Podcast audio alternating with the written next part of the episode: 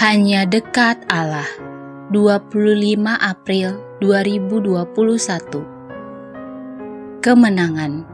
Amsal 21 ayat 30 hingga 31. Dalam ayat 30 dinyatakan, tidak ada hikmat dan pengertian dan tidak ada pertimbangan yang dapat menandingi Tuhan. Itulah nasihat Amsal ini. Nasihat logis karena Tuhanlah pencipta segala. Bagaimana mungkin makhluk dibandingkan dengan Halik? Hanya persoalannya, manusia sering kali lupa, sehingga dia merasa lebih hebat dari Allah.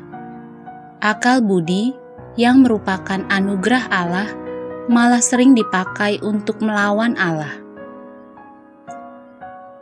Mudah dinalar jika dalam ayat berikut tertera Kuda diperlengkapi untuk hari peperangan, tetapi kemenangan ada di tangan Tuhan. Dengan akal budinya, manusia perlu membuat strategi.